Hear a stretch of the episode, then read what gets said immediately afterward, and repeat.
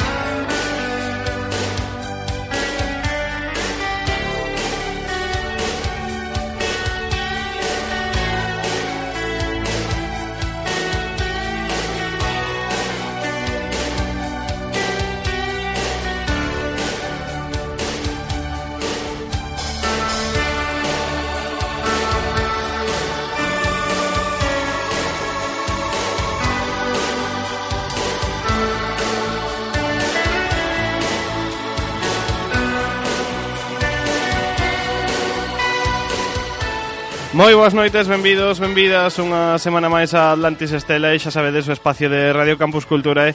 que cada 15 días, os sábados a partir das 12 da noite, busca levarlles pois eh, un pouquiño de historia, un pouquiño de ciencia, de entretemento, de, de, de, de todo un pouco. Hoxe na nosa mesa solamente está Germán Valcarce Germán, boa noite. Uy, temos aí algún problema, Juncal. A ver se podemos coitar a... Hola, hola. Ahora, ah, sí. Moi buenas, moi buenas. Claro, que Juncal está un pouco desentrenada con Atlantis Estela, pero colle rápido práctica, eh? Juncal Álvarez no control técnico de son E dicía que hoxe só está Germán porque, bueno, porque Marcelo Safores mm, eu creo que quedou vendo o partido E dixo que... Sí, Argentina e Uruguay ya están las dos... Están fora, dixo, bueno, pues vamos a ver como queda Rusia Que... Pues... Yo salí de casa estaban a penaltis, eh? En fin. Quen sabe? Quen sabe? Aquí nesta nave de Atlantis Estela non estamos moi conectados co mundo do fútbol, pero bueno, rápidamente podemos averiguar en todo caso. Eh, como sempre, Atlantis Estela ven cargadiño, cargadiño de, de novidades, Germán, bueno, de novidades do contido habitual, ¿no? Ti sempre nos traes pois un poquinho ese que sucede unha semana. Y ahí vamos por bastantes épocas y bastantes sitios. Marcelo Safores participará vía telefónica dentro duns minutiños e falaranos eh, da loucura. Eu non sei se que nos quere mandar algún tipo de mensaxe subliminal. Yo tengo libros que hablan sobre la locura en época antigua. no, pois pues, fala, bueno, falou así un poquinho de, de todo e, e falounos que porque unha entrevista que, que gravamos aí un sintres por, por culpa de, bueno, motivos familiares eh, e, e falaunos así un pouquiño de, mm, de todo un pouco da loucura, sobre todo de como foi tratado ao longo da, da historia. E xa que ao final do programa pois falaremos eh, de dúas cousas moi concretas. Unha, as botellas no, na inmensidade cósmica que enviou o ser humano Ti non sei se sabías, eh, Germán, supoño que sí Que eres un home culto Pero a, a raza humana enviou catro botellas concretamente Catro sí, cápsulas, suena, catro, sí. catro sondas que levan pois contido, explicando onde onde estamos, quen somos, cara onde vamos non porque non o sabemos nin nós, pero bueno, algo intentase intentan facer. E despois faremos unha pequena homenaxe porque nestes dous últimos programas eh, apetéceme, por que non, facerlle unha homenaxe a dous dos grandes documentalistas que deu a, a historia recente e hoxe empezaremos falando de, de Jacques Así que, Germán, se che parece, poñemos, non perdemos máis tempo, ponemos xa o inicio a este Atlantis Estela e es comezamos con este que sucede unha semana. Pues nos vamos al 2 de julio de 1698. A min aí pillábame mm, como, no sé, faltame algo para nacer.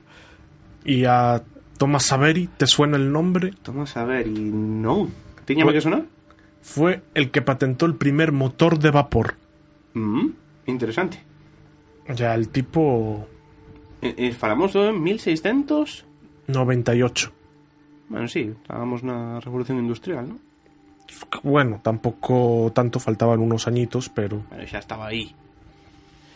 Que máis, Germán? Pues damos un salto al 2 de julio de 1839. En el Mar Caribe a 32 kilómetros de la costa de la isla de Cuba, 53 africanos secuestrados por esclavistas españoles y liderados por Joseph Cinqué toman el barco esclavista español La Amistad y matan a sus secuestradores. Esto fue luego un, fue lo que tomaron Hollywood, como no, que siempre hace estas cosas, y hacer la película La Amistad protagonizada por Anthony Hopkins. Foi moi empregado durante varias, en varias series e en varias Sí, en, un- en un, digamos un fragmento da historia que foi moi usado. y ahora vamos con dos amigos que suelen aparecer bastante en el programa. Eu e Marcelo, que agradable eres, Germán. Habíais nacido en 1897. Bueno, non sei, pero aproveitando que Marcelo non está aquí, igual él sí. En Londres, Reino Unido, el italiano Marconi patenta la radio que ya Nikola Tesla había patentado en esa misma ciudad. Ao final o que levou o mérito foi Marconi. Sí, pero... Pobre Tesla, ao final, eu non sei, Ah. non, eu creo que alguén lle tiña que ter a Tesla que non se estaba xuntando con boa xente. ¿Por qué? Porque entre Marconi y Edison le, se la tenían jurada. Eh, Por exemplo, entre outras cousas. Sabes, alguén lle tiña que ter dito, mira, non me gustan esas compañías con las que vas. Hombre, ya sabemos cómo acabó el pobre Tesla. Cunha paloma. Sí. En fin, sigamos, Germán. 2 de julio de 1934. En Alemania, Adolf, Adolf Hitler ordena el asesinato de sus opositores políticos, en lo que se conoce como la Noche de los Cuchillos Largos. Eh, bueno, Hitler era un home cun humor mm, particular. Era mellor non levarlle a contraria. Era un ser incomprendido. Sí, todo foi porque non o admitiron na Academia de Arte. Eu estou convencido. ¿Tú crees que si, no- si lo llegasen a admitir no hubiese pasado No, nada? igual tería sido peor. Nunca se sabe. Sigamos. Pero hablando de, de tragedias, al 2 de julio de 1937, en medio del Océano Pacífico, la aviadora estadounidense Amelia Earhart y su piloto navegador Fritz Naumann envían un último mensaje durante su intento de realizar el primer viaje alrededor del mundo a lo largo del Ecuador. Foi unha desaparición con certa controversia, aínda hai pouco saltaban Que to- nalgúns medios noticia que todavía unha por noticia aí. de que podría estar viva, de que podría ter sido detida polo exército xaponés. Falábase dunha foto no, no nun barco no que parecía que podía ser que fora ela. Non sei ao final como acabou toda esa historia pero pero sí que hai nada verá un par de meses que saltaba esta, esta noticia aos xornais me, máis xeralistas. Eh, e xa che digo non sei como acabaría como acabaría ese eu creo que ao final dicíase que, que no e que, se, que incluso che, chegaba a dice que estabanse buscando os seus restos. Non o sei. Che, que é difícil que, que siga con vida Home, se después de seguira todo. viva tería non sé, pero Después de la pausa lo miro y lo digo. me parece bien pero sigamos, Cremón Vamos al 3 de julio de 19... De, mm, perdón, no iba a decir mil, pero no, del 3 de julio del 987. Ti, Pegasme cada salto temporal que vasme deixar o condensador de fluzo do DeLorean pero trastocado, eh? En Francia, Hugo Capeto es coronado rey, el primero de la dinastía Capeto, que gobernaría ese país hasta la Revolución Francesa. Y el rey actual que tenemos ahora, Felipe VI, es descendiente de este Hugo Capeto. Vaya Ao final toda a sangre real está vinculada de alguna Hombre, La reina Victoria es la abuela de todos los reyes actuales. En fin, pero sigamos, Germán 3 de julio de 1535. Diego de Almagro sale de Cuzco para conquistar Chile. E chegou, isto seguramente Marcelo sabría máis que nós, eh? Posiblemente. Yo me acuerdo de la conquista de Chile que se fueron por el desierto y acabaron volviendo por la nieve. Es en plan, tú de cambios de temperatura mucho no entiendes. No No, no Sigamos Vamos al 3 de julio de 1775. En el marco de la guerra de independencia de los Estados Unidos, George Washington toma el mando de las tropas sublevadas contra Inglaterra. Mm. Y vamos ahora un salto al 3 de julio de 1985, en el que se estrena una película que quiero que escuchéis ahí la, la banda sonora de la película, a ver si sabes cuál puede ser esta película.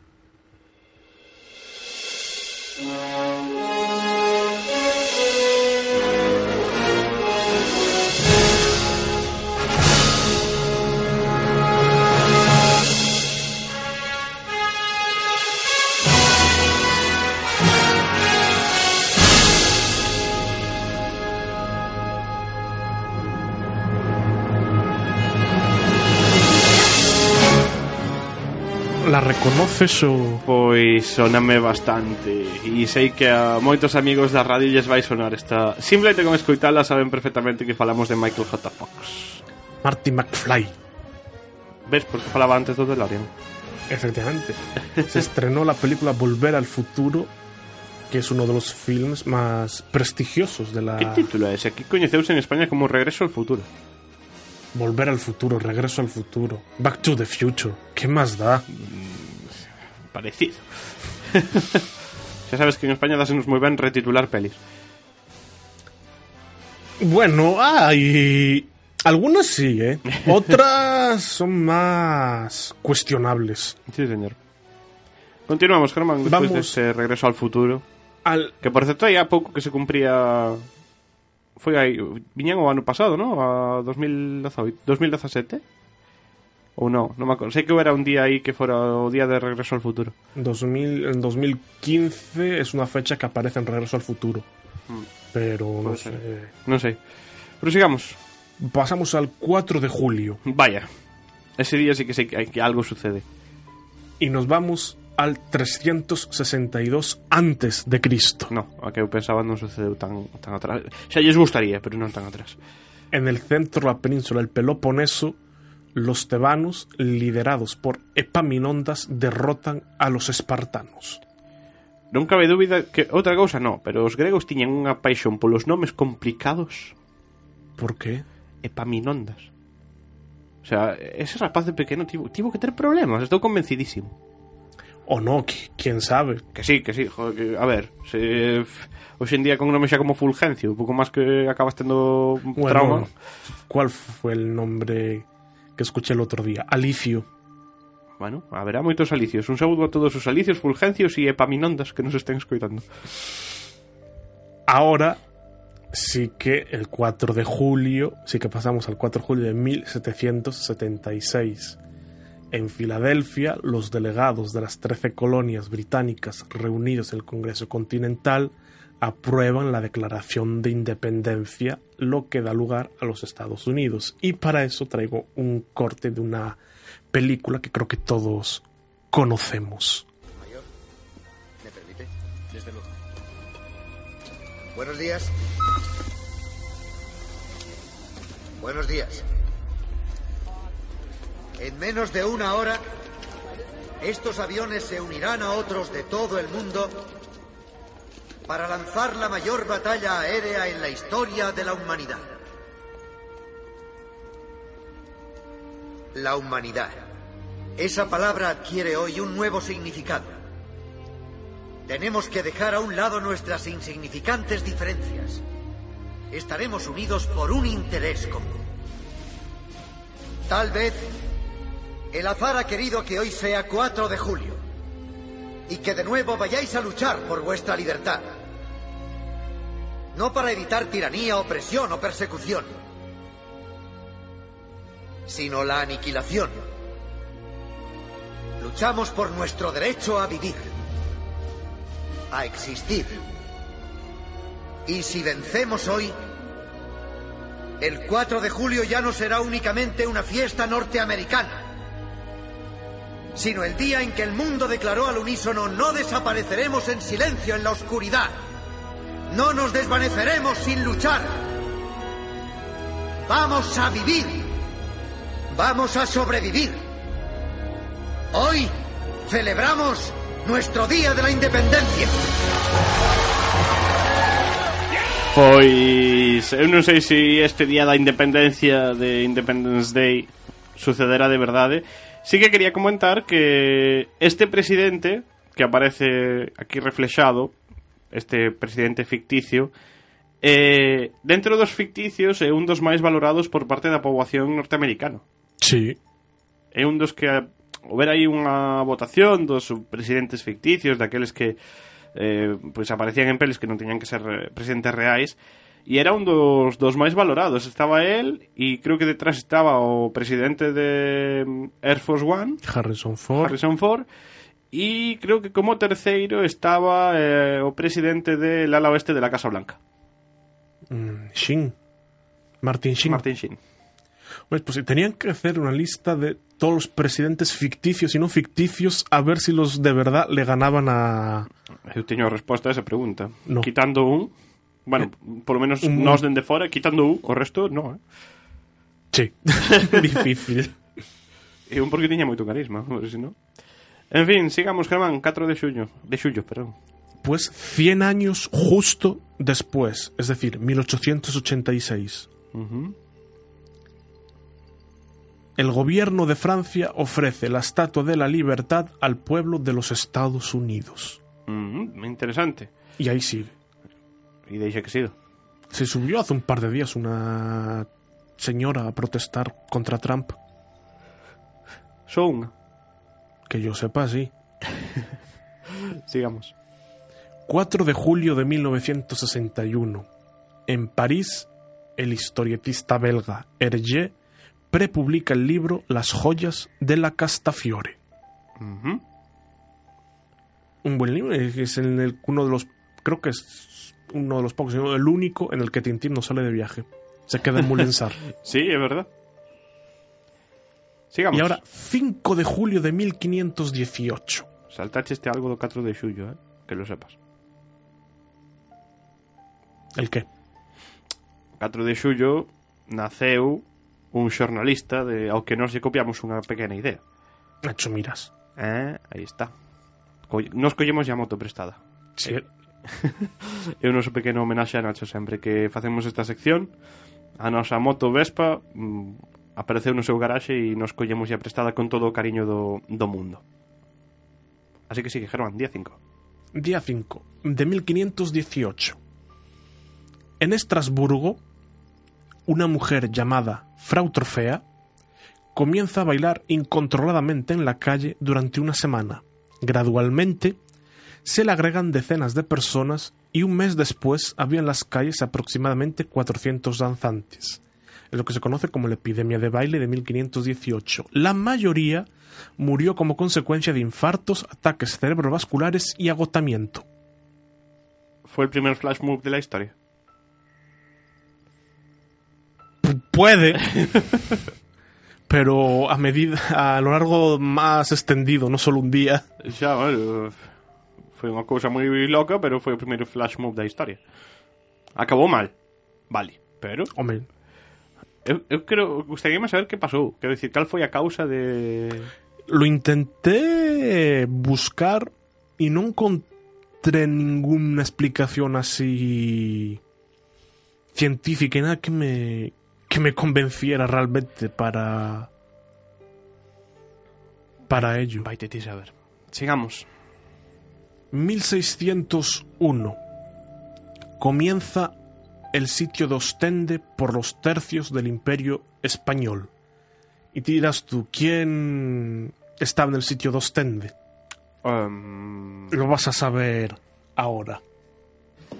Que no se mueva nadie. Tengo mis hombres fuera esperando órdenes. ¿Dónde hay que acudir? Espínola llega tarde. Está todo resuelto. ¿Y por qué no me han avisado? ¿Para qué tienen esos malditos teléfonos? Pues he dejado Ostende con un lío. Como ese bucua consiga levantar el maldito dique, lo vamos a lamentar todos. Bueno, bueno, bueno, otro trocillo. Esto es un no parar, ¿eh? ¿De dónde sacaste traje, macho? ¿De caramelos Paco? Sí, ¿eh?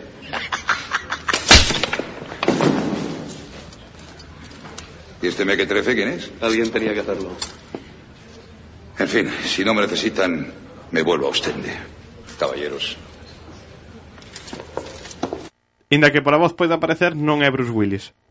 no, non era Bruce Willis o que estaba en Ostende, aunque podría. podría, pero era el bueno de Ambrosio Spínola, grande de España, Interpretado por Ramón Landa. Langa. Laga, vale, perdón. Prosigamos. Vamos al 5 de julio de 1954, donde en Estados Unidos un cantante que a mí me gusta mucho graba su primera canción, titulada That's All Right. Well, that's all right, Mama. That's all right for you.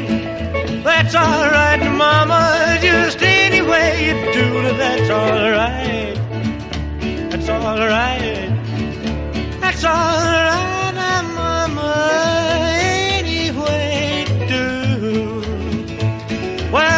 she done told me. Papa done told me too. Son, that guy you fooling with, she ain't no good to you, but that's alright. That's alright. That's alright, Mama.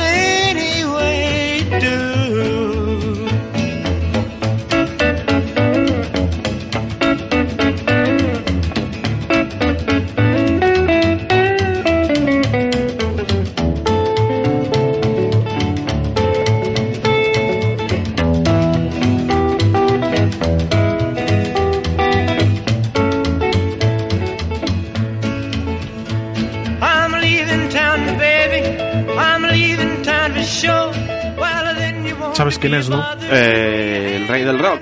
Efectivamente, Elvis Presley.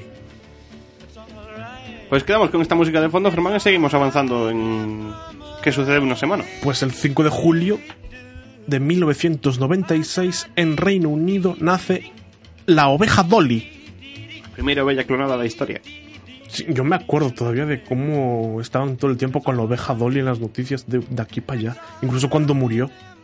Uf, non guardo tanto recordo, sí, claro, tempo despois informándome e demais, sí que vi todo o movimento mediático que houbo, pero no, no momento non lembro, non, non son consciente de tanta de, de tanto rebumbio que, que houbo. A ver, yo tanto del rebumbio no, por sí que tengo imagen de, en las noticias de que hablen de ella y... Sí, bueno, eso sí. Eso sí. Pero sigamos. Vamos al 5 de julio del 2011. Ese xa nos queda un poquinho máis recente. Sí, en Santiago de Compostela. Eh, sí, é máis cerca. Sí, pero para esto no voy a ser yo el que, el que lo explique. Va a ser ti quen o explique. No, vamos a dejarle a Paco Lodeiro que lo explique. Que me-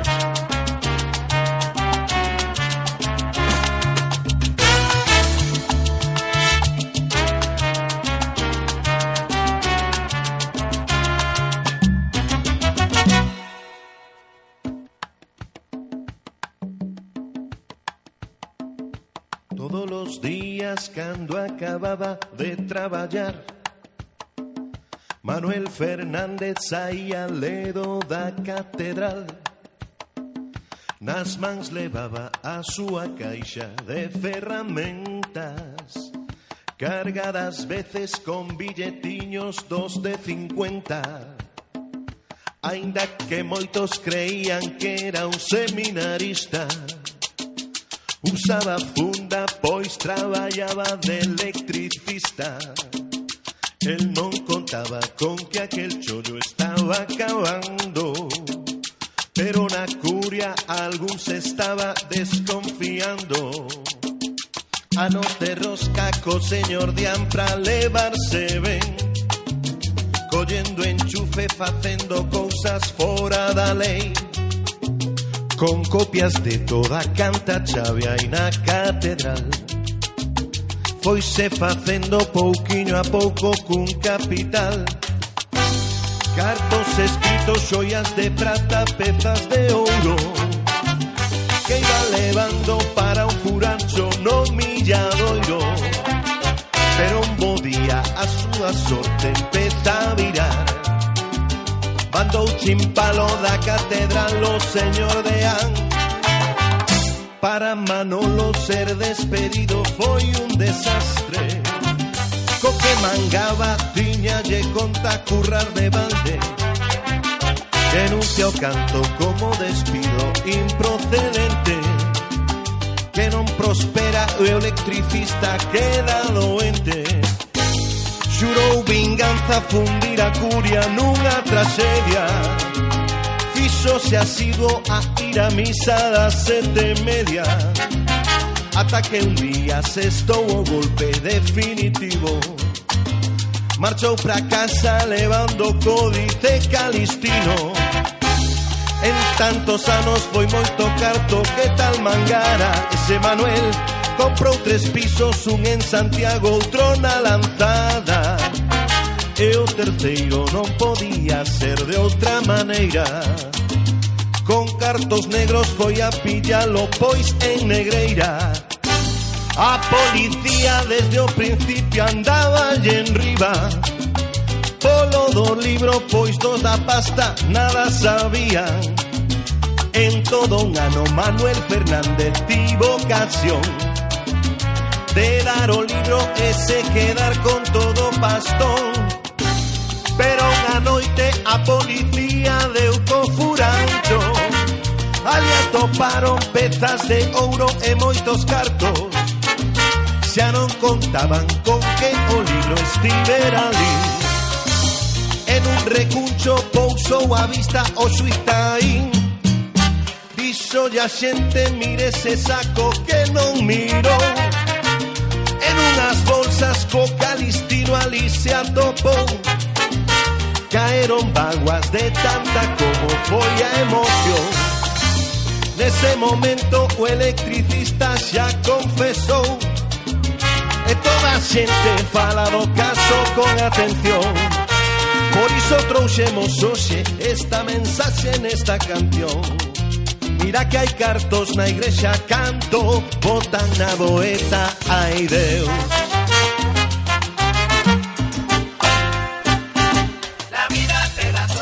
Pois Paco Lodeiro donde lo eh, Ken de describir perfectamente como foi aquel día do, do roubo e do, de cando se atopou despois, que foi casi un ano máis tarde. Sí, de hecho yo me acuerdo de cuando fue el robo de quedarme con cara de quién es el cómo. Sí, a pregunta que nos fixemos todos en Santiago foi máis ben o como. O como sí. é posible. Pero eu quero dicir, sinalar dúas cousas. A primeira, grazas a ese roubo, e non é por buscar o lado positivo a todo, pero este, por exemplo, sí que o tivo, eh, fomos conscientes do mal que se estaba tratando o Códice Calistino. Sí. Entón, e, e grazas a él aumentaron tanto as medidas de seguridade como as medidas de, de cuidado do, do códice. Porque eu lembro vídeos daquelas, daqueles días mm, do daquela de anda catedral manexando o libro sin guantes, facendo anotacións a boli. Eso es ya directamente Los sin guantes, a ver, sí que ese tipo de libros por antigüedad hay que tratar mejor con guantes, pero hay alguno que sin guantes todavía, pero escribir a boli en un, en un libro de esos es que es para cogerle y... E non vas dicir o que é se non queres que nos pechen a emisora. Sí, mejor.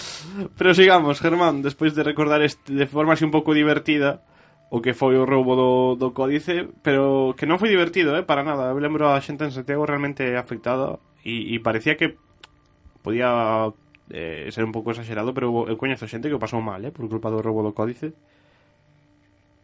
Xente, por exemplo, que estaba investigando e que pensaba que pues, que estaba perdido, que se acabara. No, mucha gente. Sí. Sigamos. Pues cambiamos de día y nos vamos al 6 de julio del año... San Fermín. Ah, no. No. De 1553. Muere el joven Eduardo VI sin herederos.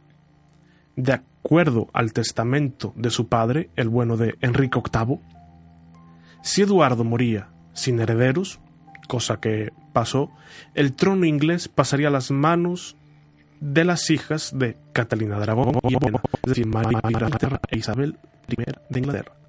Pues, venía dando leche, prefería de ya por pregunta ayuda, María. Ah, no, pero así, no. No a sus barcos, luchar contra los ¿no? segmentos. 6 de julio de 1866. Luis Pasteur vacuna contra el nexo a Meister. Avances no me no, no son muy interesantes. 6 de julio de 1976. Esto también podría haber a, a, a, a unos 3 kilómetros de General Gómez, al norte de Argentina, tienen Carlos Sus ordena la masacre de Bloomings. 11 presos son fusilados, matados para fingir un enfrentamiento con guerrilleros. Pero sí, mujer. 7 de julio de 1922. Ahora sí, sí, sí, sí, sí. Sí. En Madrid, el caballeros Agua Real se había sublevado con el absolutismo. 7 de julio de 1898. Estos días, el presidente William firma por la, la, la nación se acciona Hawái como territorio. Está claro. 7 de julio de 31. El clima en, en, en, en la historia del continente africano.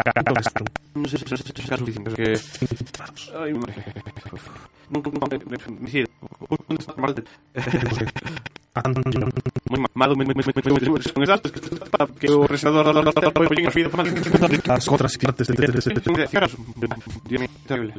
bastante. Yo creo que 56. Sí. Julio 1965. Se convierte en la mata hasta 7 años.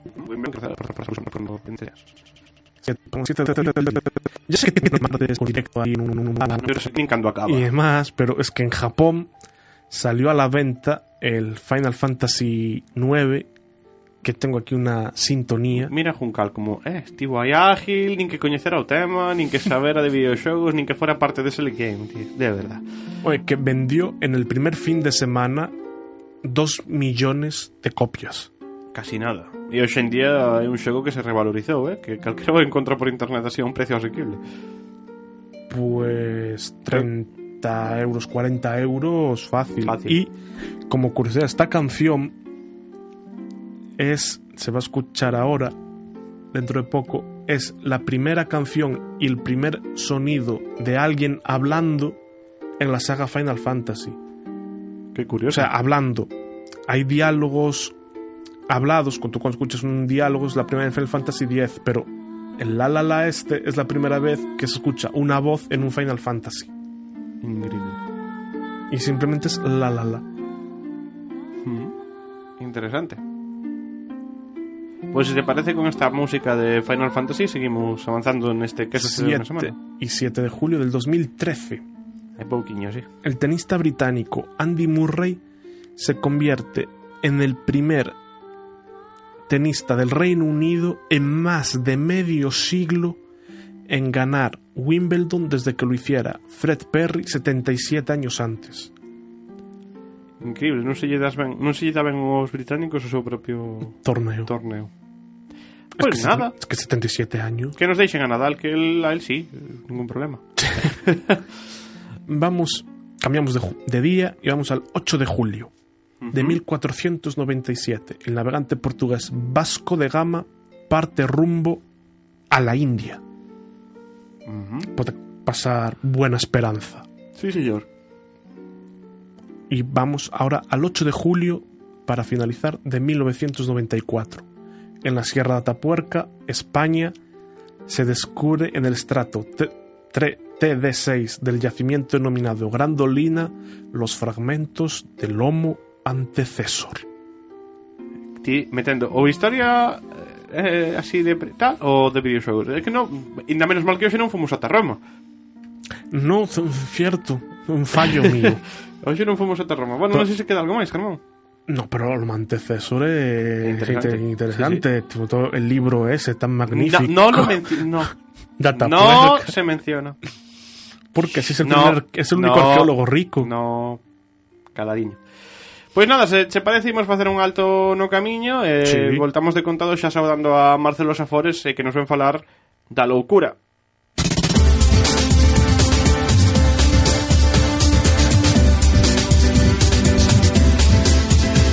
Radio Campus Culturae. Imagina unha radio na que teñas toda a información que a ti che interesa. E combinada con deportes, con humor e tamén con contido sobre cine, series, literatura, arte e música, moita e boa música. Imaginas que fose posible unha radio así? Pois claro que é posible. E xa existe. Chámase Radio Campus Culturae, a radio da diversidade. O que pasa é que Radio Campus Culturae non está no aparello de radio de sempre Sintoniza Radio Campus Culturae na web www.radiocampusculturae.org ou a través de aplicacións como TuneIn en dispositivos móviles e tabletas. Seguro que atopas ese programa que estabas a buscar. E se non, tamén te podes unir a nós e colaborar na creación de novos contidos. Radio Campus Cultura está sempre aberta a participación de todas e todos. Radio Campus Culturae, a radio da diversidade. Pokémon Mario Bros, Stadium, Pokémon, Tetris, Crash Bandicoot, Tekken 3, Assassin's FIFA, Creed, GTA Metroid, Imperium. E ti xogas. Os martes, ás 8 da tarde, Radio Campus Cultura e viaxa ate o mundo virtual. Novos títulos, consolas, accesorios, curiosidades, crítica, entrevistas e sports. Select Game, o espazo de tecnoloxía e entretemento de Radio Campus Cultura a Radio da Diversidade. Hey, gustache a radio? Sabías que na USC hai unha radio aberta á participación de todo o mundo? Radio Campus Culturae, a radio da diversidade. Sí, sí, Radio Campus Culturae está aberta á participación de todos e todas. Colabora con Radio Campus Culturae e fai oír a túa voz. Ponte en contacto con nosco a través da nosa web www.radiocampusculturae.org o noso mail campusculturaeradio.gmail.com a través das contas de Facebook e Twitter de Radio Campus Culturae ou directamente preguntando por nós na Residencia Universitaria Burgo das Nacións, no campus norte da Universidade de Santiago de Compostela. Únete a Radio Campus Culturae. Colabora ca túa radio. Radio Campus Culturae, a radio da diversidade.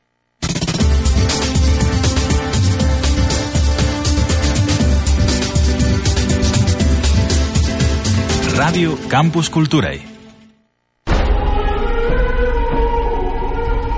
Se queres porte en contacto co programa, faino por medio das seguintes vías.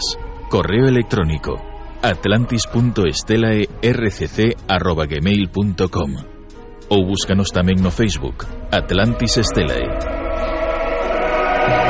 Soy el lunático del látigo que mira desde arriba las calles, conserva dentro y canta para que te calles. Yo soy el maniático, fanático a tu vida, soy el del látigo, el del latido del alma perdida. Sin marcas físicas, solo torturas psíquicas, no hay salida. Solo un destino, la silla eléctrica, no hay cura métrica, 3K, son los tres seises y sé que Moisés es una leyenda ilógica. Atómica, mi lírica, vivo con dos alcohólicas, solo como paprika y práctico de forma auténtica. Sangre es cloroformo, decoloro los colores de poros de mi piel. Colmo, he visto Esta línea telefónica, Marcelo Sánchez, moi boa.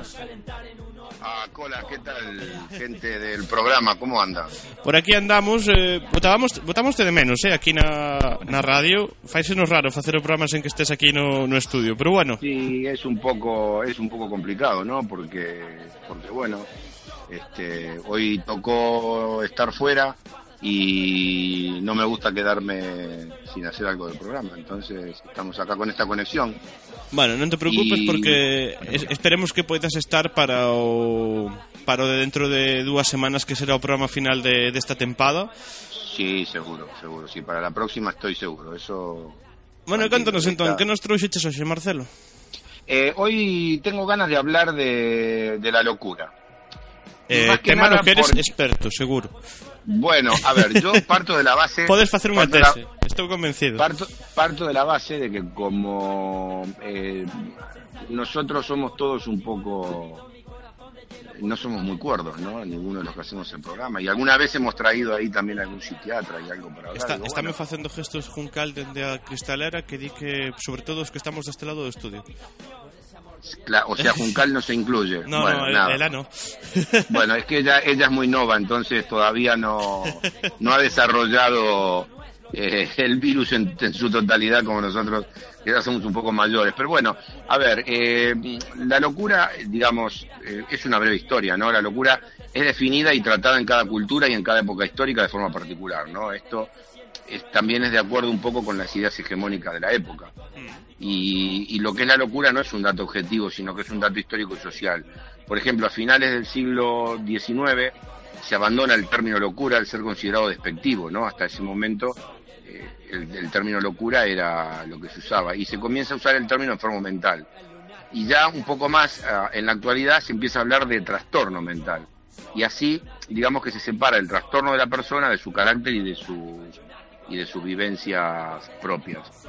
Entonces, claro, eh, para hablar de la locura habría que remontarse un poco a, a lo que es la antigüedad y aquí seguramente eh, Germán podrá luego hacer alguna alguna acotación, ¿no? Sí, a ver cando, Porque... se, cando se incorpore que saiu agora, non sei onde foi, xa sabes que aquí sublevades, eh, me, a, o sea, habrá, no, habrá ido a ver onde dejó estacionada la moto. Claro, seguro. Eh, que claro, seguro. aquí eu non teño control sobre esta xente, eh, señores ointes, ningún. Marcelo hoxe non aparece por aquí, di que interven por teléfono, porque claro. Claro, Germán se va a mirar la moto e bueno, menos mal que está Juncal. Estou, estou convencido, sí, inda boa, eh?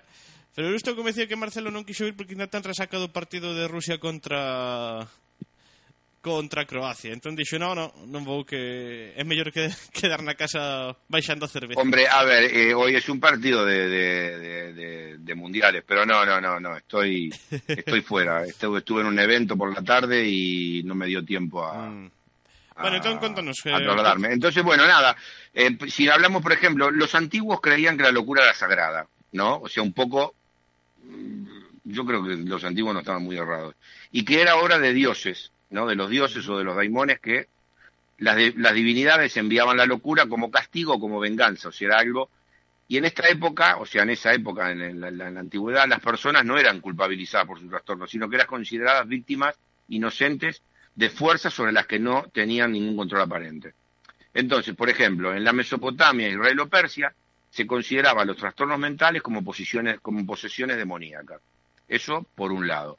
Pero si nos cruzamos al otro lado y nos vamos a Egipto, eh, antes que los griegos reconocieran al cerebro como la localización de las funciones mentales, ellos describieron el trastorno emocional y denominado luego como histeria por los griegos, atribuyéndolo a una mal posición del útero, por lo cual fumigaban la vagina como tratamiento con las intenciones de volverlo a su posición original. Unha Acá mágoa que non me dixeras isto antes, Marcelo, porque hai un corte de da gran serie E aquí xa temos falado neste programa en algunha ocasión mm. de, de House, na que lle fala precisamente deste, deste tema. De la, de que, de sí, la fumigación de vagina. Sí.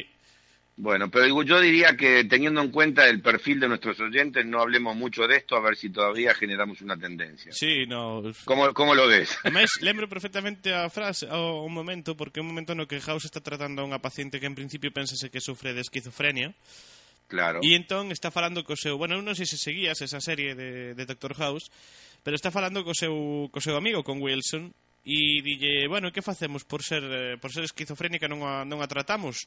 Vamos e eh, fumigamos a vagina. E quedase o compañero mirando para el con cara de, perdona, que vamos a hacer el qué? e entón House explica claro. precisamente que os gregos facían eso, que, que entendían eso. Seguro. Y, y después, por ejemplo, en la India, la meditación budista se utilizaba y se utiliza como una forma de psicoterapia para trastornos mentales, así como ayuda, como una ayuda para superar las dificultades de la vida diaria. En Grecia, los griegos fueron los primeros en estudiar los trastornos mentales desde el punto de vista científico, ¿no? Aquí, bueno, los griegos en esa época estaban muy por encima o muy por delante de las demás civilizaciones, está claro, ¿no? Y ellos eh, eh, comenzaron a hacer ese, ese estudio separando el estudio de la mente de la religión. Y fueron los más avanzados en aplicar técnicas que se desarrollarían más adelante como el diálogo con el paciente o la interpretación de los sueños. Imagínate, esto arranca en los griegos, la interpretación de los sueños viene unos cuantos años después, ¿no? Está claro. O sea que la, la- claro, la medicina griega eh, buscó en su momento leyes universales que pudieran constituir la base de una ciencia real de la enfermedad, investigando, por ejemplo, a fondo las leyes que gobernaban las enfermedades y buscando una conexión entre cada parte y el todo, la causa y el efecto, en definitiva, ¿no? Y además de los tratamientos somáticos de la escuela hipocrática, los griegos emplearon tres tra- tratamientos psicológicos, que mirá cómo iban de avanzados. E cales serían esos del- tres tratamentos?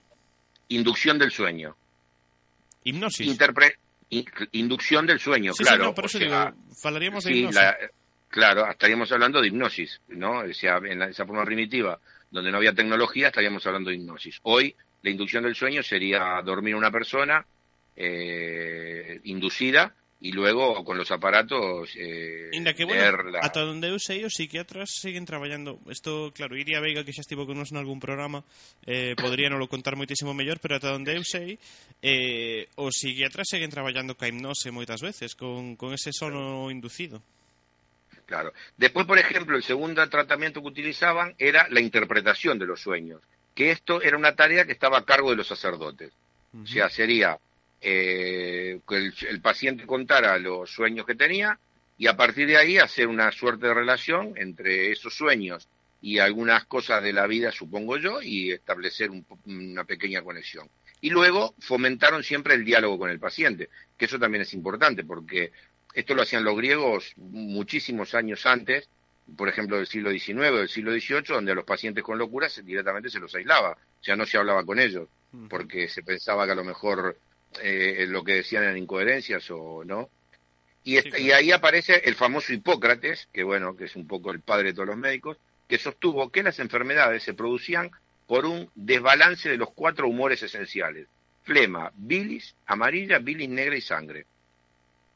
Entonces, esos pequeños excesos de estos tres humores y de sangre daban lugar a personalidades flemáticas, coléricas o sanguíneas. Eso lo hemos estudiado todos y Sí. sabemos que eso existe, ¿no? O sea que la- esa caracterización Sí, es sí, algo que en Y, sí claro, y fue Hipócrates el que ubicó en el cerebro la capacidad para pensar, sentir o soñar. Y fue el primero en proponer que los sueños son expresión de nuestros deseos que acceden hacia el conocimiento cuando se eliminan las demandas de la realidad. Y también fue el primero en describir y clasificar racionalmente enfermedades como, ah, estamos hablando de Grecia, ¿eh? no del año pasado, Sí, sí, sí. manía, paranoia, delirio tóxico, psicosis corporal, fobias e histeria. Que increíble, ¿no? Que, que avanzado, que, que, avanzadas eran as civilizacións antigas e, e ás veces como as medio, como dicilo, mm, censuramos non é a palabra, pero sí que moitas veces como que as tratamos un pouco de inferiores e igual debíamos nos centrar máis en, na súa sabiduría e non creernos tan importantes. Claro. Y, después, ya un poco más adelante, eh, llegamos a Roma, ¿no? Que fue otro, los romanos fueron otra de las civilizaciones antiguas que eh, tocaron un poco ese tema, ¿no? Ellos siguieron las filosofías griegas, la filosofía estoica y la epicúrea, que postularon que las pasiones y los deseos insatisfechos actuaban sobre el alma produciendo enfermedades mentales. Y esto, ahí yo me inclino a pensar que sí, ¿no? Yo creo que muchas muchas de las causas las enfermedades mentales están ligadas a una suerte de no gestión de los deseos insatisfechos que pueda tener la persona, ¿no? Esos deseos que, pueden controlarse alcanzando un estado mental sin perturbaciones, o lo que se llama ataraxia, de donde deriva el término atráctico utilizado para, lo- para los sedantes, ¿no? Los sedantes se consideran este, eh, productos atrácticos. Entonces, claro, ahí en, la, en Roma aparece Celso, que es el que dividió las enfermedades en locales y generales, y dentro de estas últimas incluyó las enfermedades mentales, que a su vez las dividió en febriles, que serían los delirios, y los no febriles, que serían la locura. Consideró necesario el confinamiento y los procedimientos restrictivos, hambre, cadenas y grillos para el control de la violencia, recomendando los sustos súbitos como tratamiento. Esto me causó mucha gracia cuando lo leí. ¿no? Los sustos súbitos. Eu non sei con que me Sí. quedo, se cos sustos ou cos grillos.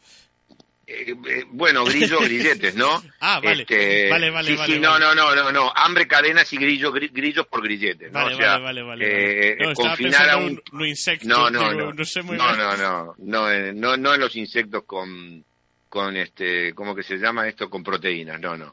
Claro, no, No, esto era así. Era como eran capaces os gregos, eh? non me non me fastidies que eran perfectamente capaces de dicir, bueno, podemos arranxalo con grillos. Por qué? Porque sí. Claro, no, no, no. A mí, a mí lo que me, me- me causó gracia fue cuando leí, este, que estaba viendo un poco, bueno, y informándome, esto, digo, los sustos súbitos, porque bueno, yo creo que lo voy a aplicar como, como medida, a ver cómo te digo, como, como opción, ¿no? O sea, cuando me tope con un loco ahí, voy a intentar darle un susto. Bueno, por si no acaso, sé de qué manera. Non me apareces pola porta ahora mentre estou falando por teléfono contigo. No, para- no, pero puedo entrar por la ventanita del estudio, por la de arriba, por la del techo. Uf, eh, por bueno, ejemplo, sí, entrar sería levitando. opción, Sería unha opción. Sí, le damos un susto a Juncal y... Eh, bueno, Y sei se bueno. lle damos un susto a Juncal ou terías que ir pidiendo unha ambulancia. Das dúas o ir seguro. pidiendo una ambulancia, claro. Este, y después finalmente está el famoso galeno, ¿no? Porque la, la medicina la tenemos siempre ligada a Hipócrates por un lado y, y a galeno. De hecho, galeno es un sustantivo que se utiliza Sí. para, para denominar un médico, ¿no? En forma así un poco, ¿no? Es decir, el galeno, ¿no? Galeno, a su muerte, a la muerte de Galeno comenzó la era del oscurantismo religioso medieval. Consideró que el cerebro era el centro de las sensaciones y movimientos y que el alma es inseparable de los centros nerviosos. Entonces describió dos tipos de alma. La alma, el alma animal o racional en el cerebro y las irracionales en el corazón y el hígado.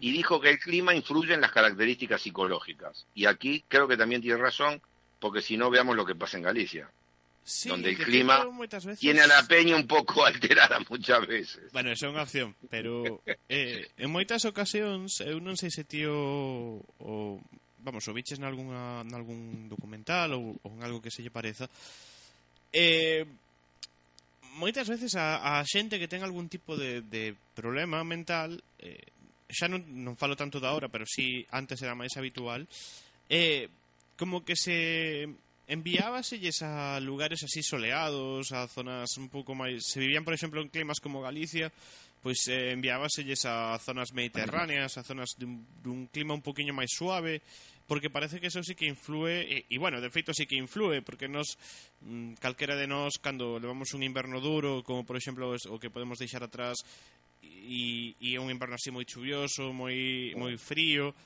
acabamos con humor distinto, ¿no? Estamos no, bueno, y vemos, vemos salvo los, aqueles, los habitantes.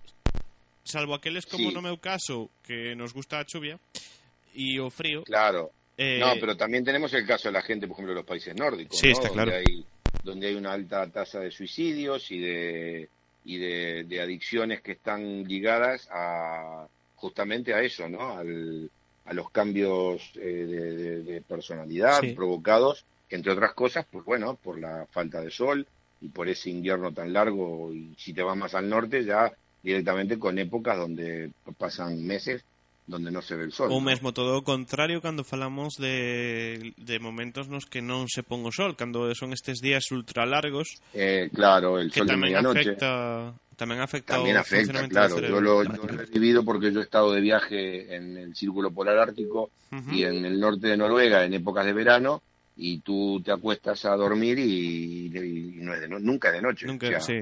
E iso ao eh, final lo máximo eh, que se o- oscurece es... con- ¿eh? ¿Cómo? Que eso ao final acaba afectando o Sí, o te, afe- a- te, te comienza afectando el sueño. Lo que pasa es que como uno está de paso allí, eh, acaba resultando anecdótico. Pero yo creo que la gente que tiene que pasarse a lo mejor seis meses en esas condiciones, bueno, no sé, se tendrán que poner unas unas tapaojos, estas como las Sí, que se usan antifaces ou, ou Claro. pechar as ventas con, Claro, con sí, sí. Ahora, lo, lo que, lo que es increíble es que, eh, a pesar de que se produce, que se viene la noche, eh, digamos, lo que es la vida animal también eh, declina, ¿no? Es decir, eh, es como que los animales también saben que es la hora del descanso, entonces se produce un silencio muy grande. Mm. Eso es, eso es una de las cosas que me llamó mucho la atención, ¿no? Eh, que hay a lo mejor un, el ruido ambiente, cuando estás en un lugar, que los- están los animales o no sé qué, que tú escuchas, hay un ruido, ¿no? Lo- Sí. y, y cuando llega esa, so- esa hora de la noche, que sigue siendo de día, es como que los animales saben que en realidad, aunque esté la luz, es la hora de, de descansar. de descanso, entonces se produce todo un silencio. Pero bueno, vamos a seguir con el tema de la locura, porque acá viene, por ejemplo, la Edad Media. La Edad Media es cuando el cristianismo, eh, el advenimiento del cristianismo, ¿no? Es cuando toma más, más fuerza. Y a partir de ahí, entonces la, la locura ya fue conceptualizada como un sinónimo de pecado mortal o defecto mortal. Se consideró que era el resultado de una posesión o un pacto con el diablo, como si, bueno, como fue en su momento también los efectos de la brujería. Y al loco era alguien considerado que era, era una persona que se, se decía que estaba controlado por las fuerzas del mal, ¿no? Y ahí aparece el exorcismo, el exorcista. que era una manera de quitar el diablo del cuerpo de las personas presuntamente poseídas. Dos puntos, los locos. Sí. ¿correcto? Entonces, claro, en la Edad Media el loco no puede hacer promesas, no tiene palabra, no testimonia en de- bajo ningún pu- punto. A nivel jurídico, por ejemplo, no puede disponer de sus bienes. eh, estos pertenecen a sus familiares o tutores. No puede testificar ante tribunales ni hacer contratos. eh, y a cambio, los parientes del loco deben de asegurar su subsistencia y su guarda. Los locos extranjeros son expulsados y a veces después de haber sido azotados o maltratados. Entonces, claro, en- ya en la alta Edad Media surge un enfoque médico de la locura, con la creencia de que los locos tienen una piedra en la cabeza, la piedra de la locura, que hemos oído hablar muchas veces por allí, que es la que origina su mal. Entonces se realizan operaciones quirúrgicas para extraerla, ¿no? No sé, lobotomías o... A ver, Dame un que poco lo hemos de visto en, miedo. pe- lo, lo hemos visto en películas, tío. Sí, no, ver, cuando claro. vemos películas ambientadas, no, lo que pasa es que a lo mejor dentro del contexto de la película no nos damos cuenta, pero en realidad lo que están te están mostrando era cómo se trataba eso, ¿no? Y estamos hablando de la Edad Media. Después sí. viene el Renacimiento. Ya en, en el Renacimiento ya acaban los exorcismos y las trepanaciones de cráneo, ¿no?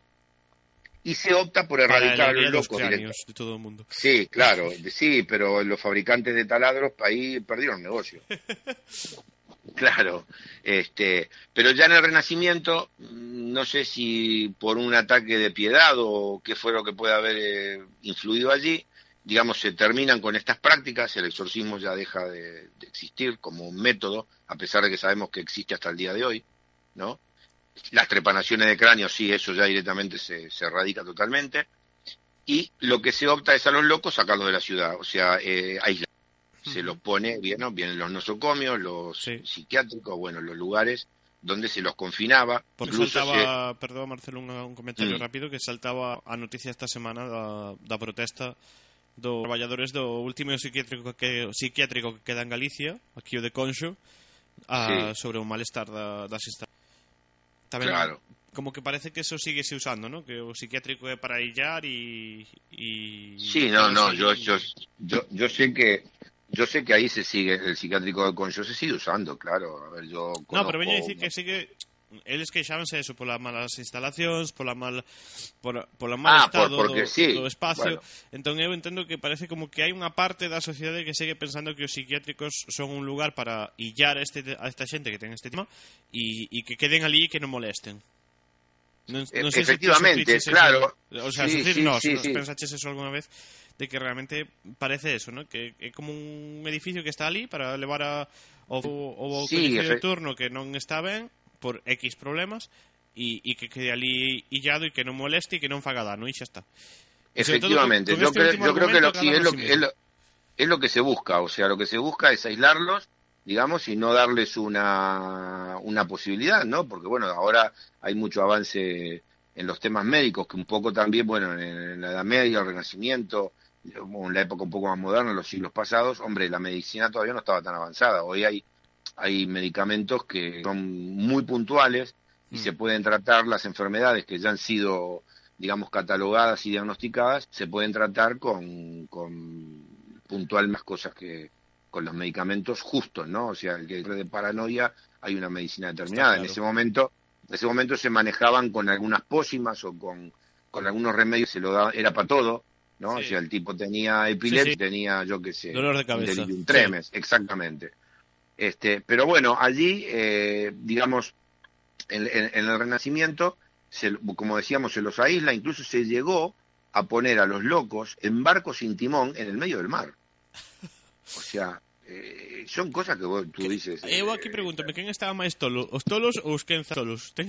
No, bueno, había que quitarlos del medio, ¿no? Eh, era un poco la, la- la- lo, lo que se imperaba. Más yo supongo que también en esa época sería muy vergonzante las familias eh, tener, y no hablemos ya en, los estamentos de la nobleza o de todo eso, ¿no? Imagínate Sí, un claro. rey, un príncipe que tuviera, o, no sé, ya fuera con malformaciones o con lo que se Sí. nota automáticamente. Eso eh, yo creo que los eliminaban directamente, porque hay muy pocas referencias de síndrome de Down. En la- te- no te das cuenta de eso. Eu non sei se realmente os eliminaban ou eh, pola situación médica daquel momento tampouco sobrevivían. Mm, Bueno, sí, tal vez, pero a ver, si bien pueden, podrían tener una sobrevida un poco corta, eh, yo creo que si hubieran tenido una sobrevida, no sé, de 15, 20 años, Pero tendría que darían chegados 15, 20 anos, quero dicir, Sí, eh, sí? Bueno, habría casos que no, pero no todos los casos son tan graves. No, está O claro. sea, claro, pero- hay casos que son más graves, que tienen vienen con problemas respiratorios o con ese tipo de cosas. Pero, a ver, si nosotros no vamos y sabemos, porque esto es una cuestión de estadística, que el 100% de por, por tasa de nacimiento, eh, y, y que, y que no es un y que no, es un- no son factores ambientales, que son factores generales, es decir, que ese- esos valores se dan tanto en los lugares más insalubres como en los lugares más mejor tratados. Si tú te fijas, por ejemplo, tanto en la en la pintura o, o en ese tipo de artes que reflejan donde se puede ver lo que ocurría, se ve muy poco. Lo único que se ven son enanos. ¿Pero por qué? Porque se los utilizaba como, Sí, como como animal de circo, figura. co- Exactamente, pues se los utilizaba de manera cómica. Entonces Sí. hay, bueno, están ahí. En las meninas, por ejemplo, se ven unas personas un poco raras. no? A ver, de feito a, a historia da monarquía española falanos dun caso moi rechamante que o de que o pobre, claro. bueno, lo, las de Villadiego, pero bueno, en fin. Claro, pues tú imagínate, por ejemplo, si tú te A ver, en la actual y y vas hacia atrás. Hay sí. casos y, y, no puede ser que no haya casos. Alguno tiene que haber, entonces. Pero ¿sabes eso que pasaba, lo... Marcelo? Que, mm. Y eso sei no porque ainda pasou ata hai pouco, eh, por mm. desgraza ainda pasa en, en algunhas partes. E, pero, e Galicia era un un dos puntos nos que máis pasaba. A xente, cando tiña unha persoa con eh, pechaba, eh, é o que comentábamos antes, illaba, eh, metía nunha habitación, encerraba e quedaba aí ata que a persoa falecera eh, non saía, non se lle vía por ningún lado. Non, non sei se, se ves a onde quero chegar, no? que realmente sí, sí, sí. eu penso que o que se fixo foi o que ti comentabas, no? que mm, claro. e todo este toda esta xente que mm, que tiña calquera tipo de problema mm, era eh, non digo eliminada, non creo eliminada, eliminada de, de otra forma, Exacto. o sea, borrada de, de, de las estadísticas, sí. Exacto. A ver, luego ya cuando entramos en la Edad Moderna, digamos, ya ahí aparece Foucault que señala digamos, que desde el siglo XV el loco comienza a ser considerado como un portador de cierta sabiduría. Hasta el momento en que tanto el loco como el delincuente y todos los marginados de la sociedad van a ocupar el espacio de los leprosos, de los apestados sociales, llevando, digamos, al aumento de las prisiones en la Francia del siglo XVII. Es decir, existían muchos lugares reservados solo para los tontos, esto lo digo entre comillas, ¿no? Porque, bueno, estaba en el texto. Por ejemplo, como el famoso El Lieu, que acogía solamente a los locos, o Londres, donde aceptaban una única serie de locos. Cuando se internaban tan solo los locos, es de hecho una prueba de que se rezaba una determinación médica, cosa que ocurría en otros lugares. Entonces están los encierros en los asilos y en los hospitales generales. Estamos, estamos acercando un poco más a nuestra, a nuestra etapa, ¿no? Sí. Ya los médicos cuentas institucionales, digamos, no, no existen. Los locos deben compartir el espacio con delincuentes, desertores, prostitutas, borrachos, etcétera. O sea, se los metía en cárceles. Sí, no peor do, no peor. Claro, ¿no? Y ya después, eh, a, a partir de la edad moderna, ya comienza una nueva clasificación. Hay tres grupos: los furiosos, los deprimidos y los tranquilos. ¿no? Que eso es un poco. A los furiosos se los intenta calmar con ayunos, palos y duchas de agua fría. Andás llevando. ¿no? Y ya eso no resulta el cepo. Sí, ¿no? como- un auto mal estacionado, sí. este, para, ¿no? para inmovilizarlo, el cepo Sí, que estaba, ¿no? En las, en las ilustraciones, ¿no? Y ya de última, si con el cepo no se lo tenía, no se lo, lo lograba, directamente se lo fijaba a un muro con una cadena corta. Claro. Los deprimidos, que serían la, la, la- el estamento intermedio, ocultaba de las relaciones sociales. Exacto. ¿no? O sea, estaban allí, pero no, no compartían con la gente. Y a los más tranquilos, ¿no? Que esos somos nosotros, porque nosotros estamos un poco locos, somos los tranquilos, alternaban con la familia y las amistades sin constituir peligro. ¿Te das cuenta que somos nosotros? Sí, sí, tal cual. ¿No? Estamos con nuestra familia, estamos ahí, no somos peligrosos. No, de somos momento. unos locos tranquilos. De momento. De momento, exactamente. Este, y, y bueno, a ver, esto es una... Porque después, claro, después ya a partir, por ejemplo, del siglo XVIII, eh, se empieza a dar un trato teóricamente más humano, porque bueno, claro, ya empieza la parte de la filosofía, y, ¿no? El tema de los derechos humanos, empieza Sí, a humanismo. todo y eso, todas esas corrientes que surgen en el siglo XVIII, ¿no? Eh, por ejemplo, en París, ¿no? Les, les quita las cadenas.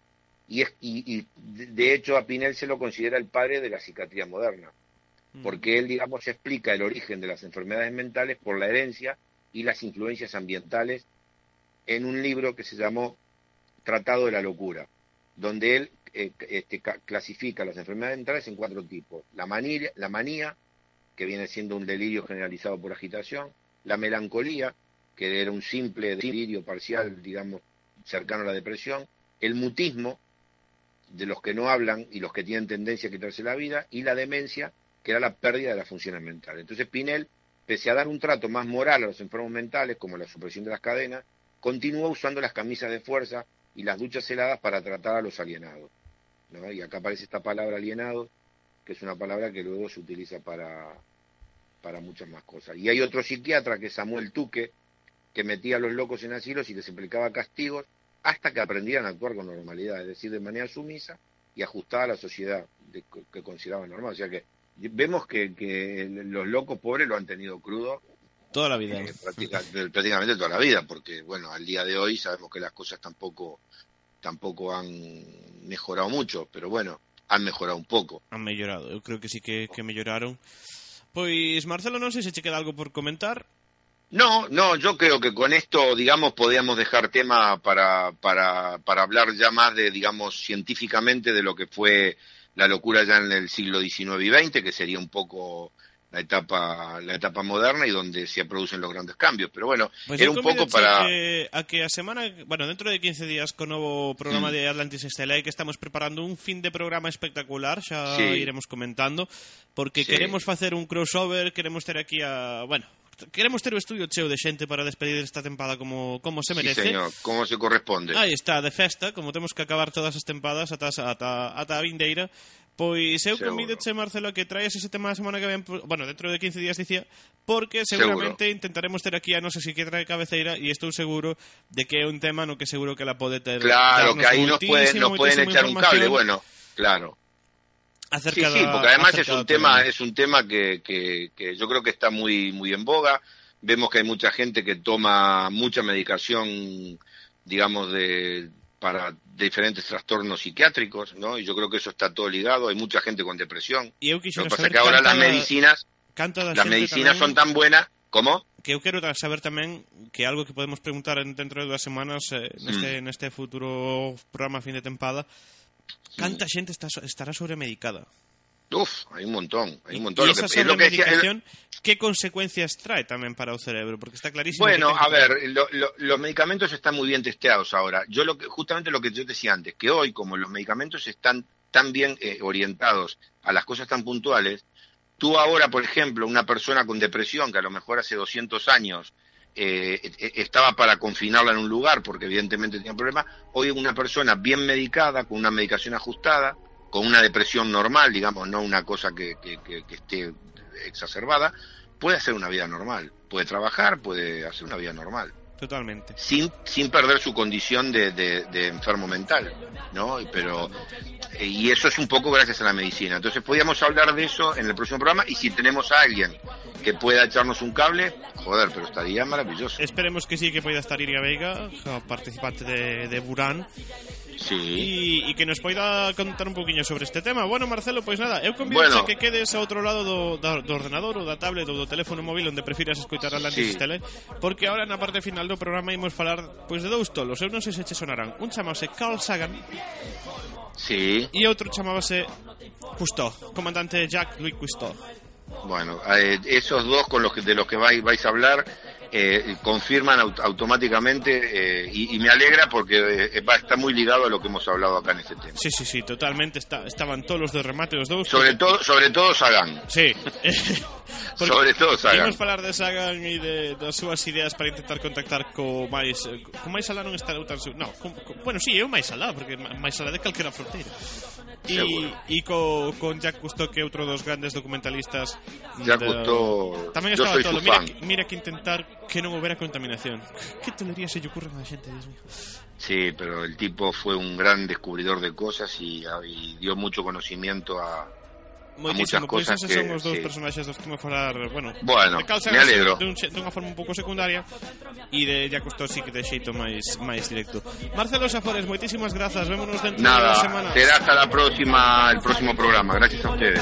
Buenas noches. de hielo por culpa del desánimo Mi ánima en el suelo, mi animal de consuelo El águila real, Júpiter escupe fuego No temo ser esclavo de Hades ni de Plutón Me da más miedo ver la foto juntos en tu habitación Por ese amor yo vi el dolor, yo fui el sabor del Por aquel beso fiel vendí mi cuerpo a la tierra. Andé decenas de peces entre las heces Nadé con peces, si crees ver el cielo no es lo que parece. Jugué con 13 niños que decían ser dioses Luego desperté en un parque y solo pude tocar rosas. Preso por esposas, excusas, mentiras diarias. Diría que te quiero pero te suicidarías. Un loco soy, un demente, una mente que miente Que se siente solo entre tanta gente. Soy el lunático del ático Yo soy el lunático del ático Soy el lunático del ático El lunático del ático, el lunático del ático Soy el lunático del ático Yo soy el lunático del ático El lunático del ático, el lunático del ático el lunático del ático soy el lunático del ático yo soy el lunático del ático soy el lunático del ático el lunático del ático el lunático del ático soy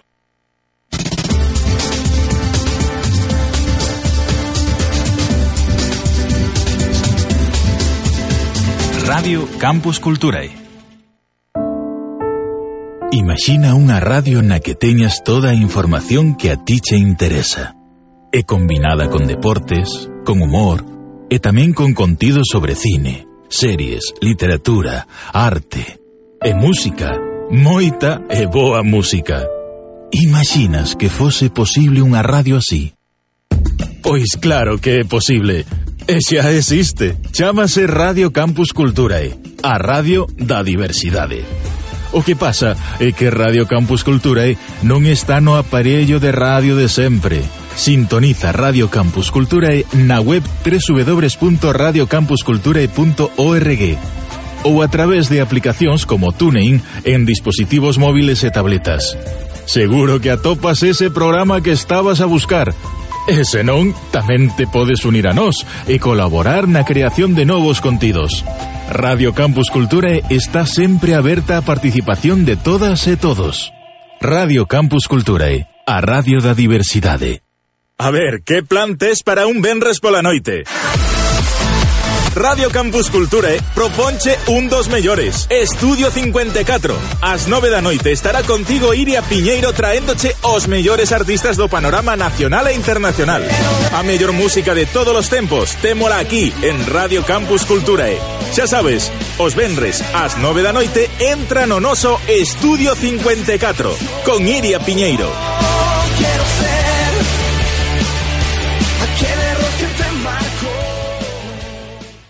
Hey, gustache a radio? Sabías que na USC hai unha radio aberta a participación de todo o mundo? Radio Campus Culturae, a radio da diversidade.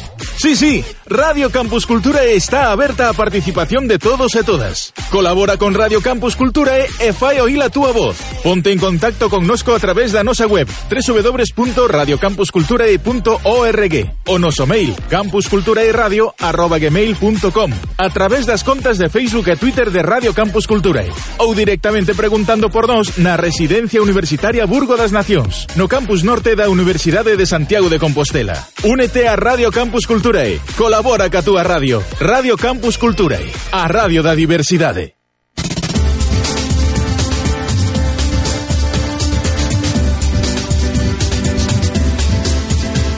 Radio Campus Culturae. T minus 15 seconds. T minus 10, 9, 8, 7, 6, 5, 4, 3, 2, 1. Main engine start, zero. And liftoff of the Atlas V with Curiosity, seeking clues to the planetary puzzle about life on Mars. Atlantis Stellae, en Radio Campus Culturae.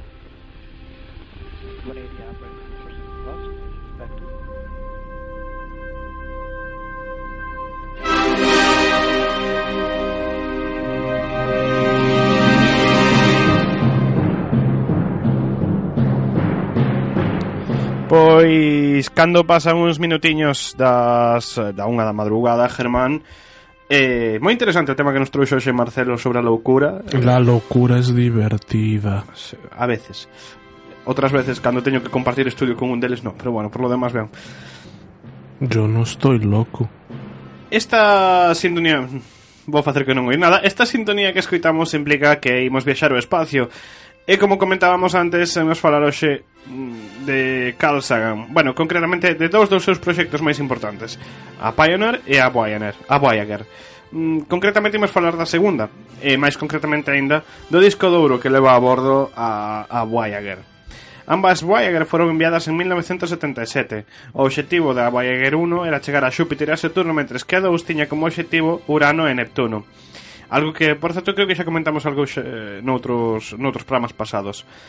Sagan pensou que despois das súas misións o máis productivo sería introducir unha mensaxe en ambas sondas e redirixilas cara ao cosmos, coa esperanza de que nun futuro algún tipo de vida intelixente as atopara e poidera porse en contacto co ser humano. Eh, Germán, eu non sei ti que pensas, pero creo que isto mm, mal. ¿Por? Porque non sabemos con, con que intencións van a vir. Mm, Sí, y también hay que tener en cuenta, enviado, hemos enviado cosas del año 77. Las cosas han cambiado y no pouco. Eu estou de acordo con Sheldon, con Sheldon Cooper en The Big Bang Theory cando dixo que non lle gustaba nada nin o mensaxe da Voyager, nin o, nin o da Pioneer, porque o único que amos é o blandos e comestibles que somos. Sí. Hombre, también hay que... No sé si viste tú la película esta de Pixels.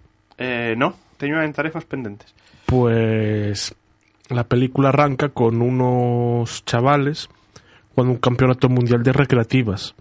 Mm. El Pac-Man, el Centépedes, o sea, todo, todo lo que se juega en recreativas, ¿no? En los años finales Sí. de los 70, al Sí, principio sí. de los 80. Y eso es una de las cosas, ese campeonato mundial de recreativas, según la película, que introducen en el disco duro de la Voyager y que lo mandan al, al espacio. ¿Qué pasa? Que los alienígenas que los alienígenas que lo cogen lo toman como una declaración de guerra. Entonces, lo que hacen es mandarnos a esas cosas, a atacarnos. Aparecen los 100 pies del centépedes, aparece Pac-Man queriendo comer cosas, aparece Donkey como uno de los malos. En fin, grazas por facernos sentir moito máis seguros, eh? E, e por volver a meter o mundo dos videoxogos en, Atlantis Stella e Select Game. ¿Mm? Bien. Bueno, Eh. vamos a falar do disco douro eh, que comeza con máis de medio cento de saúdos pacíficos que van dende o inglés ao esperanto. Tras isto... Perdón, Sí, Esperanto. esperanto, sí, sí. Vai dende, o sea... Que sí, que sí, que sí, que el inglés, sí, sí.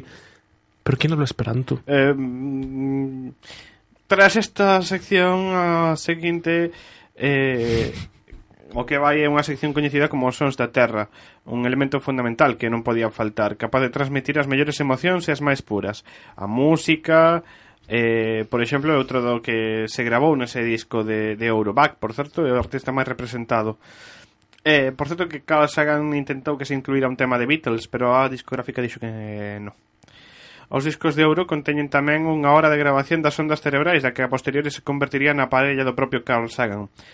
Ademais, encadeuse unha agulla para poder de reproducir ese disco e máis de 116 imaxes con distintas formas de vida, incluindo unha para calibrar o disco. Unha de un círculo cromático. Eh, non sei que che parece, Germán, este intento Hombre, de... A ver, es una representación de todas Eh, A ver, es muy difícil que sea una representación de todas las cosas que, que tenemos en la Tierra en un disco duro, ¿no? Incluso actualmente te resultaría extremadamente complicado, ¿no? Incluso con todos os gigas que temos nun... Sabes, que, Sí, sí. un disco duro é super pequeniño que colle en calquera lado. De feito, sería máis pequeno un disco duro hoxe que seguramente ese disco que leva a Voyager. Sí, o sea, es, es difícil. Cuando, pero quieras o no, pues, hombre, es un buen intento. Así, los mensajes de paz, yo también puedo pensar. En Mars Attacks lanzaban palomas de la paz y las mataban. A ver si los mensajes de paz para ellos significan guerra. En fin. Pues, a ver, es un buen intento. eh, ¿Dónde están? Pois actualmente estaban xa abandonando o sistema solar ata, ata onde eu sei, polo menos. Eh, estaban xa saindo do, do sistema solar, o sea que a, a miles de miles de miles de miles de kilómetros. Bueno, en cuanto veamos un ser verde queriendo entrar en la Tierra y pidiendo permiso, ¿Pedirá perdón o permiso? no sé, yo, yo lo digo, o sea, Trump hace poco mandó, firmó un, un tratado, una, un acuerdo allí en Estados Unidos, porque hacía una fuerza militar espacial. Si lo firma, es por algo. En fin. O sea... Pois imos afrontar a parte final deste Atlantis Estela, eh, Germán E nestes dous últimos programas eu quero dedicar estes últimos minutos A falar dos que personalmente eu considero os mellores documentalistas da, da historia recente O 11 de xuño de 1910 eh, En París E e nacía Jacques Cousteau, morrendo o 25 de xuño de 1997. Cousteau foi un oficial naval francés, explorador e, e investigador que estudou o mar e varias formas de vida coñecidas nel, na, na auga. Lembrase de Cousteau, sobre todo por ser en 1943, xunto a Emily Gagnon, o inventor dos reguladores que se empregan actualmente no buceo tanto a nivel profesional como a nivel mm, digamos recreativo eh, é un sistema que mm, prima a independencia de cables e tubos de, que suministran aire dende a superficie. Eh, pese a que xa foran probados outros dispositivos de buceo autónomo con anterioridade, foi o regulador de, de custo que se impuxo ata os nosos días, principalmente pola sencillez e a fiabilidade do seu mecanismo, así como pola súa lixereza e a facilidade de transporte durante as inmersións. Custo tamén foi fotógrafo e cinematógrafo subacuático e foi o primeiro en popularizar as películas submarinas, as películas e series documentales rodadas durante as súas exploracións a bordo do buque Calipso, que foron emitidas por televisión e que seguro que todo o mundo coñece o programa que empezaba así. El mundo submarino.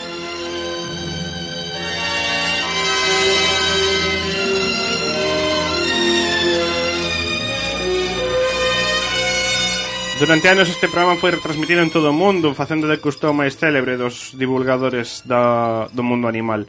Foi unha das primeiras persoas en defender o ambiente mariño da contaminación, apasionado por, ocasiona, por atopar e describir prácticamente todas as especies que habitan o mar, algo que non conseguiu, por certo. Son muchas, eh?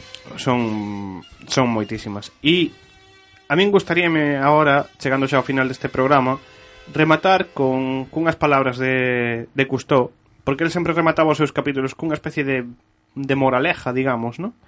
E, e esta, por exemplo, era unha que facía sobre os arrecife- arrecifes de coral.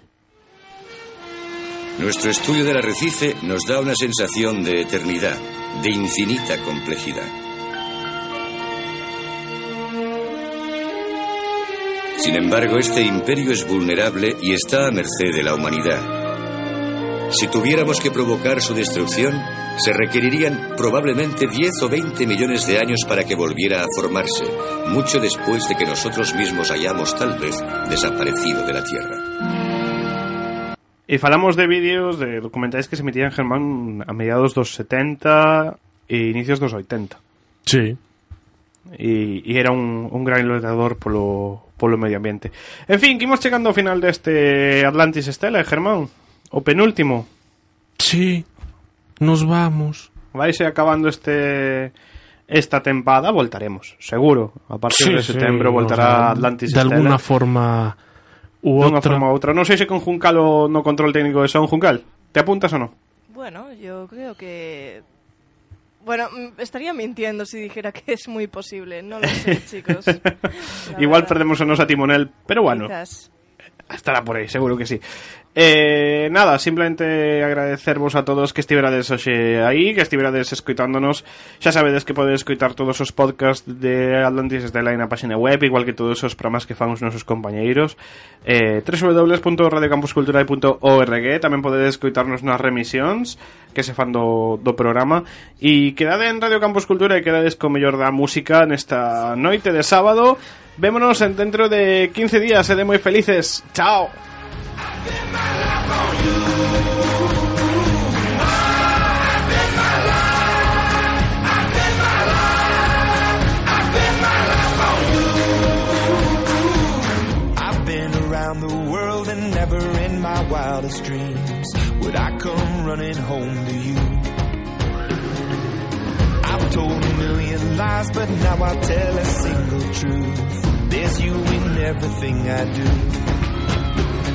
Now remember when I told you that's the last you'll see of me. Remember when I broke you down to tears.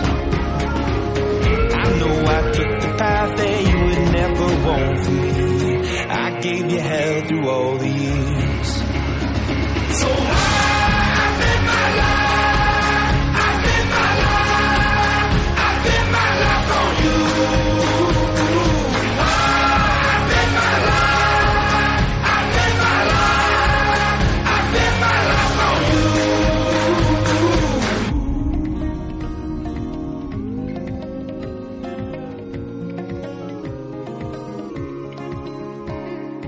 Don't tell me that I'm wrong. I've walked that road before and left you on your own.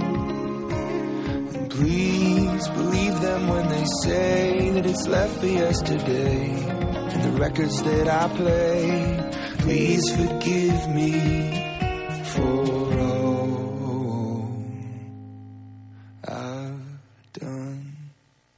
So I